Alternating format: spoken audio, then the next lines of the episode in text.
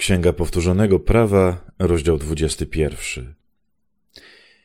Jeżeli w kraju, który Pan Twój Bóg daje Ci w posiadanie, zostaną znalezione zwłoki człowieka na polu, a nie będzie wiadomo, kto go zabił, wtedy Twoi starsi i sędziowie pójdą i zmierzą odległość, jaka dzieli zabitego od miast leżących dokoła.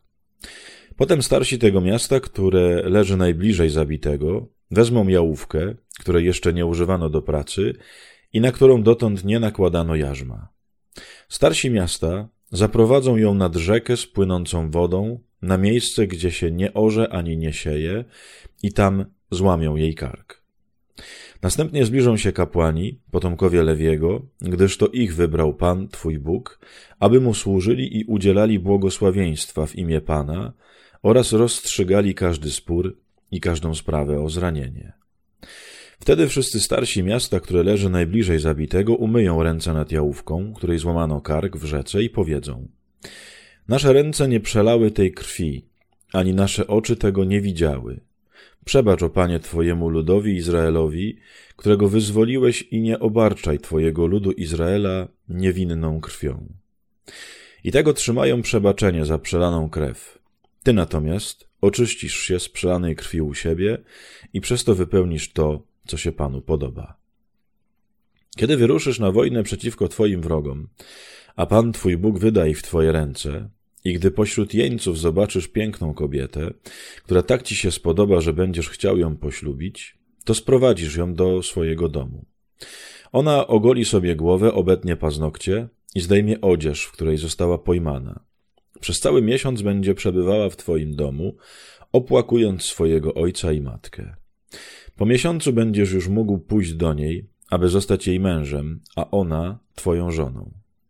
Gdyby jednak potem przestała ci się podobać, pozwolisz jej odejść dokąd zechce. Nie wolno ci jej sprzedać za srebro, ani traktować okrutnie, ponieważ wcześniej ją poniżyłeś.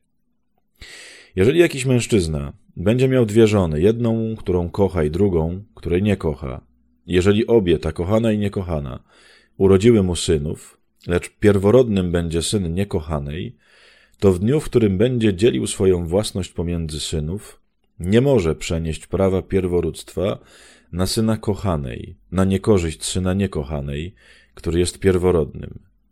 Za pierworodnego musi uznać syna niekochanej i jemu da podwójną część ze wszystkiego, co posiada. On bowiem jest pierwociną jego siły i jemu przysługuje prawo pierworództwa.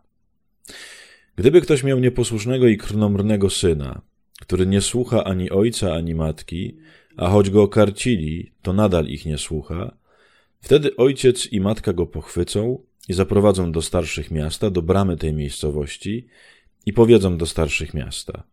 Nasz syn jest nieposłuszny i krnąbrny. Nie słucha naszych upomnień, jest rozpustnikiem i pijakiem. Wtedy wszyscy mieszkańcy miasta będą go kamienować, aż umrze. Tak usuniecie zło spośród was, a cały Izrael, słysząc o tym, zatrwoży się. Jeżeli ktoś popełnił przestępstwo podlegające karze śmierci i zostanie stracony, a potem powieszony na drzewie, jego trup nie pozostanie na drzewie przez noc, lecz masz go pochować tego samego dnia. Każdy, kto zawis na drzewie, jest przeklęty przez Boga. Nie zbezcześcisz ziemi, którą Pan, Twój Bóg, daje Ci w dziedzictwo. Moi drodzy, bardzo ważne zdanie w tym rozdziale jest, ale nie, nie o tym jest ten rozdział, ale każdy, kto zawis na drzewie, jest przeklęty przez Boga. Wiecie, że to zdanie mówił o Panu Jezusie. On dlatego zawis na drzewie, bo chciał się postawić w miejscu, gdzie był przeklęty przez Boga. Koni, to jest kolejny rozdział taki, który ma, powinien budzić w nas dużo sprzeciwu. Zobaczcie, jak oni, jacy oni byli pomieszani. Z jednej strony mieli naprawdę dobre takie poczucie sprawiedliwości, jakiegoś prawa, nie? Pomijam zupełnie ten fakt wielu żon i tak dalej, no tak, taka kwestia tamtego czasu. Mamy tą żonę kochaną i niekochaną, w ogóle co to za pomysł jest.